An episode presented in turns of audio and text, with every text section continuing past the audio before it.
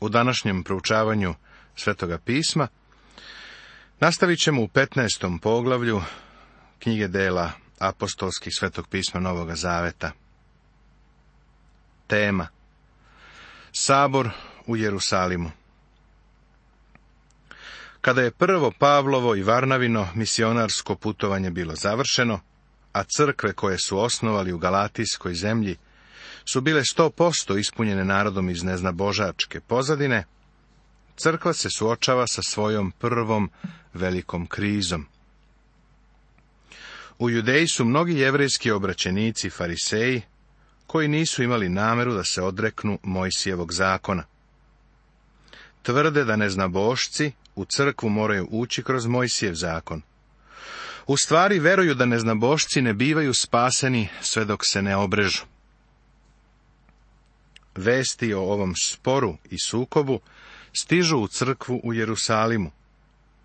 Apostoli su primorani da se suoče sa ovim pitanjem. Koji smer crkva treba da preuzme? Tako u Jerusalimu zaseda prvi sabor da bi rešio ovaj problem. Kroz istoriju ćeš otkriti da je bilo i drugih crkvenih sabora, koji su odlučivali o velikim pitanjima, kao što su validnost i nepogrešivost Svetoga pisma. Drugi sabor je odlučivao o Hristovom božanstvu i činjenici da je on i Bog i čovek. Bilo je i drugih značajnih sabora koji su se sazivali kada su iskrsavale razlike u crkvi. Neki možda misle da nam je i danas potreban sabor. Svakako nam je potreban. Međutim, plašim se da do dogovora i slaganja nikako ne bi došlo, jer je previše crkava otišlo daleko od Hrista. Sabor koji se ne sastaje oko Hristove ličnosti u suštini i nije crkveni sabor, jer je Gospod Isus Hristos samo središte crkve. Ne postavlja se pitanje rituala, članstva ili ceremonije. Centralno pitanje je pitanje ličnog odnosa sa Isusom Hristom. Nažalost, Ljudi koji su daleko od Hrista i koji nemaju zajednicu sa njim, žele da raspravljaju o ritualu. Možda pod rukom nose neku veliku Bibliju, možda nedeljom idu u crku, snažno pevaju pesme, ali su u ponedeljak gospoda daleko udaljili od sebe. Prijatelju, gospod Isus treba da zauzima samo središte našega života.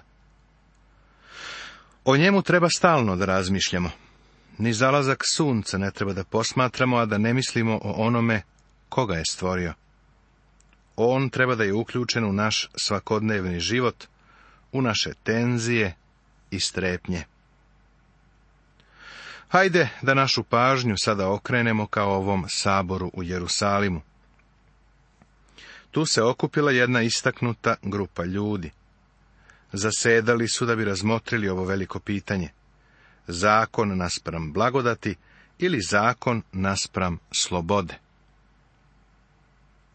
Pitanje obrezanja I dođoše neki iz Judeje pa učahu braću.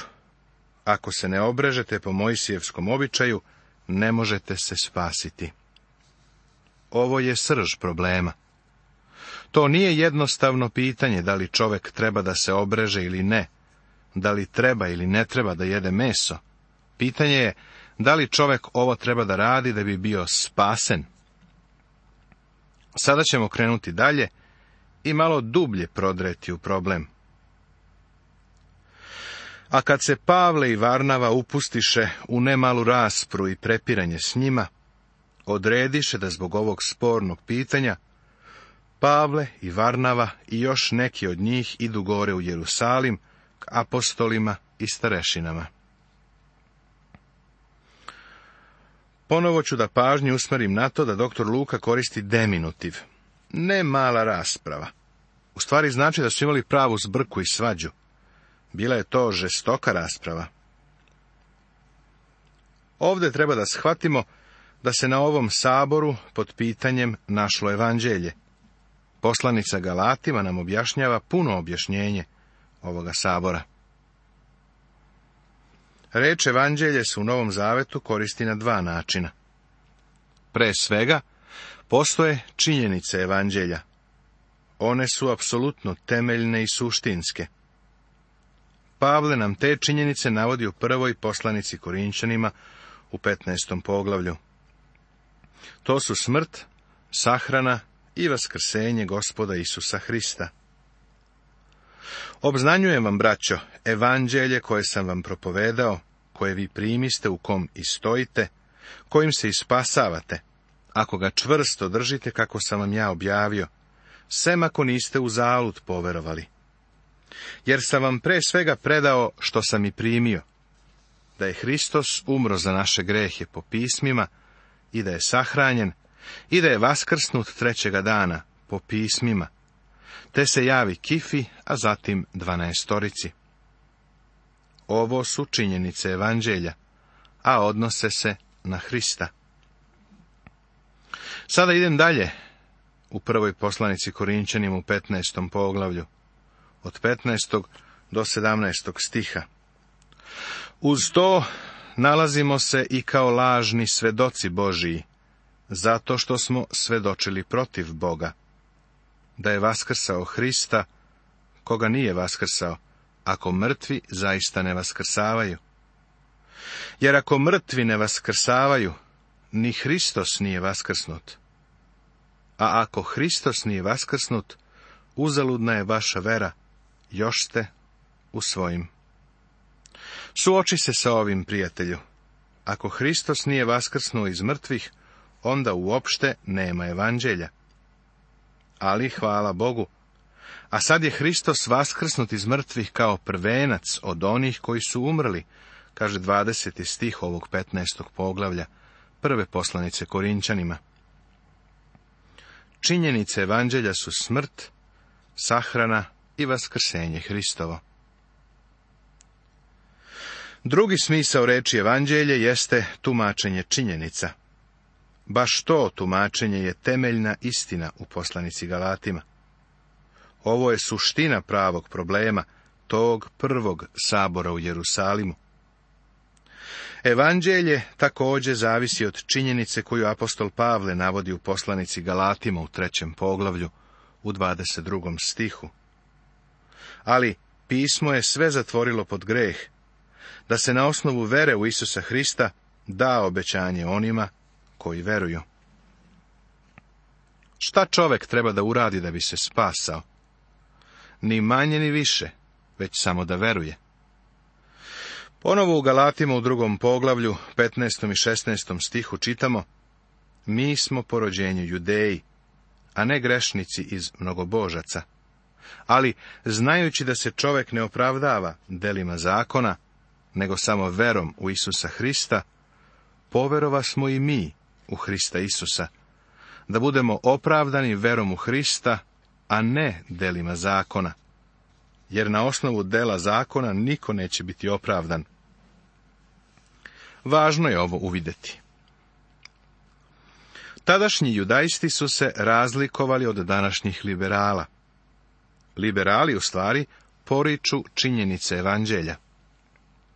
Oni će poricati i fizičko Hristovo vaskrsenje. Neki idu tako daleko da kažu da je Isus Hristos mit, da nikada nije ni živeo, niti umro. Većina njih ne pokušava ni da čeprka po istoriji tako daleko.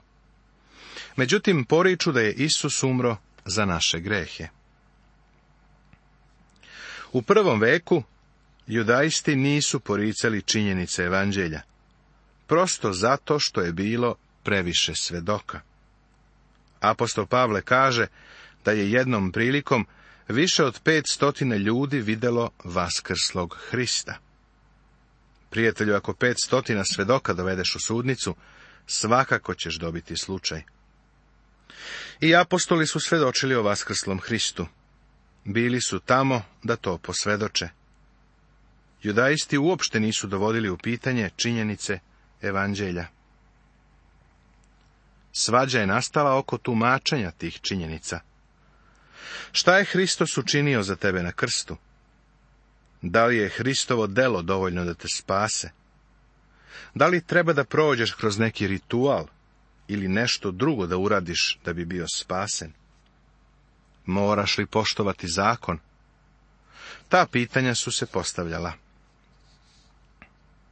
Hajde da se vratimo na dela apostolska na 15. poglavlje, i da sa Pavlom i Varnavom odemo u Jerusalim. Tako su ispraćeni od crkve, prolazili kroz Finikiju i Samariju, pričajući o obraćenju mnogobožaca i pričinjavajući veliku radost svojoj braći.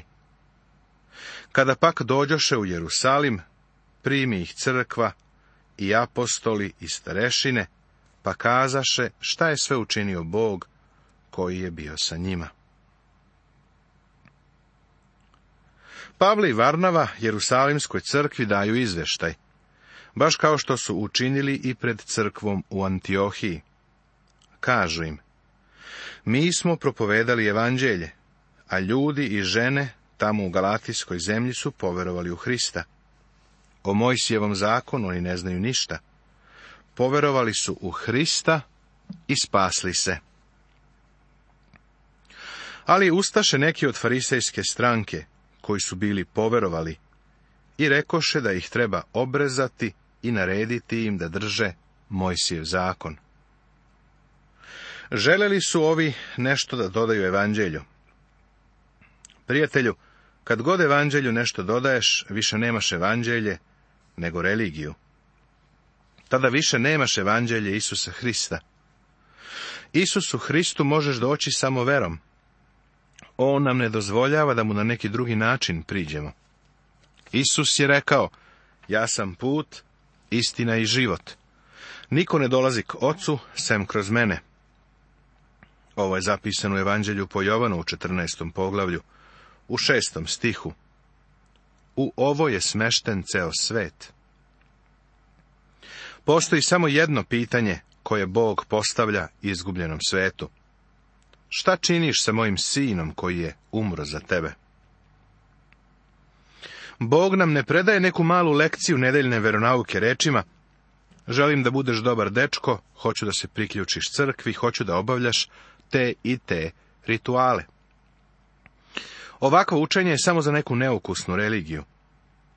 Ovo ne dolazi od Boga.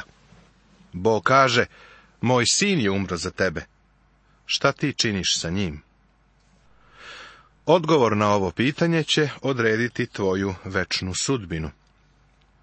O ovom pitanju se raspravljalo na saboru u Jerusalimu. To je zaista uzbudljivo. Apostoli i starešine se okupiše da izvide ovu stvar. Odluka sabora Apostoli i starešine su se okupili da ovo reše. Rasprave su bile žestoke i teške. Odluka se morala doneti, a Simon Petar prvi izražava svoju odluku.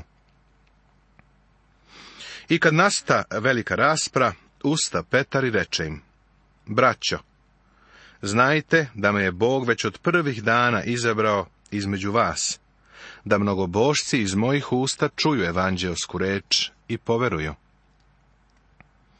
Ne vjerujem da je ovo bio prvi put da je Petar progovorio. Da je tokom cele rasprave čutao, ne bi bio dosledan svom karakteru.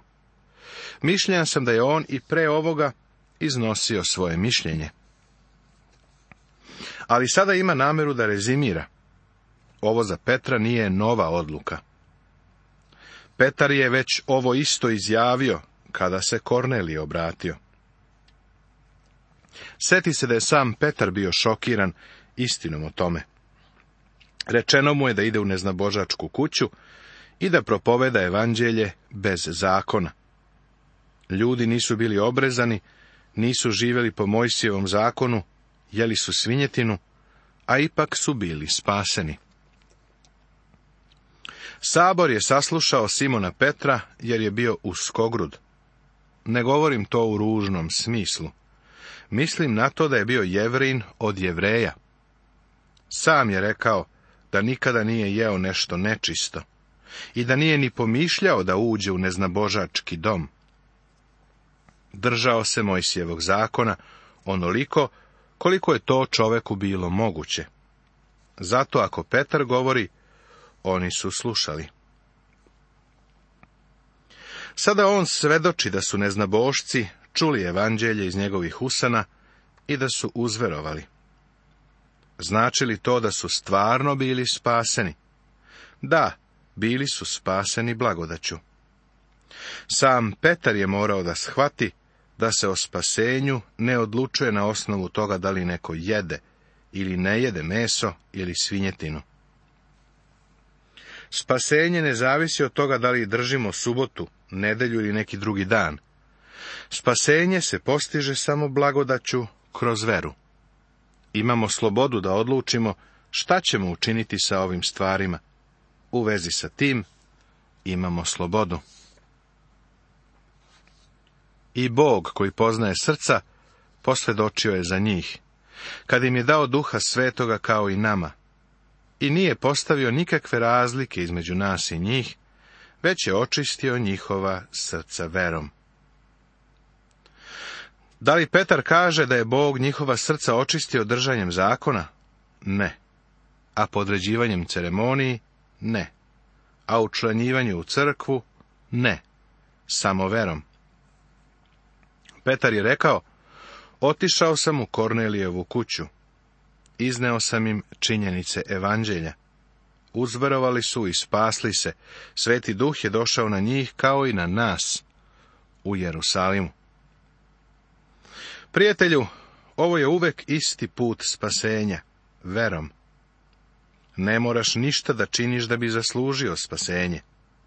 Isus Hristos je sve učinio pre 2000 godina.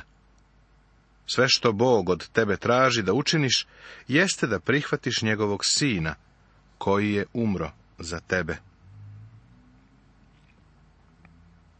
Što dakle sad kušate Boga time što hoćete da nametnete učenicima na vrat jaram, koji ni naši očevi ni mi nismo mogli da podnesemo. Simon Petar ovdje iznosi izvanredno priznanje. Kaže da ni on, ni njihovi očevi nisu držali zakon. Mnogo puta sam već rekao i još ću mnogo puta ponoviti. Bog nikada nikoga nije spasao kroz držanje zakona. Znaš li zašto? Nikada nije bilo nikoga ko je zakon održao. Bog spasava samo na osnovu ovoga. Vere u smrt i vaskrsenje u gospoda Isusa Hrista. Pre vremena Hrista ljudi su Bogu prinosili žrtve. Te žrtve su prinosili verom. Avelj je razumeo da to malo jagnje nikako ne može da ukloni greh. Shvatio je da je jagnje samo ukazivalo na onoga o kome je Bog govorio njegovoj majci. Rekao joj je da će seme ženino doći i da će smrskati glavu zmiji. Ovo je zapisano u 15. stihu trećeg poglavlja prve Mojsijeve knjige. Avel je u to verovao. Verovao je Bogu. Bio je spasen verom. Tako Simon Petar kaže. Da kažem istinu, Zašto to ne bismo priznali? Zakon ne možemo održati. Vidiš, nema ništa licemernije nego pretvarati se da živiš život na visokom duhovnom nivou. Da živiš po propovedi na gori i da držiš Boži zakon. Nema svrhe pretvarati se. Voleo bih da mogu da te pogledam u oči i pitam, zašto ne priznaš da si izgubljeni grešnik? Zašto ne priznaš da ne činiš ono što je ugodno Bogu, da za to nemaš mogućnosti? Zašto ne dođeš Bogu kao grešnik i ne poveruješ u Hrista kao spasitelja? On će te primiti. Onoga ko ide k meni neću izbaciti, kaže 37. stih 6. poglavlja Evanđelja po Jovanu. Ovako sam i ja došao gospodu. Sve one koje sam ikada sreo i koji su doživjeli spasenje, ovako su mu došli. Savle i star sam mu je tako došao. Etiopski uškopljenik mu je tako prišao. Svi koji su došli Hristu, tako su mu došli. Nego verujemo da ćemo blagodaću gospoda Isusa biti spaseni na isti način kao i oni. Simon Petar to lepo izgovara. Jevreji moraju da se spasu na potpuno isti način kao neznabošci. Prilično sam siguran da Simon Petar ni tada nije jeo svinjetinu, ali saopštava. Spasen sam ne zato što ne jedem svinjetinu, već zato što sam poverovao u Hrista. Spasen je Božijom blagodaću.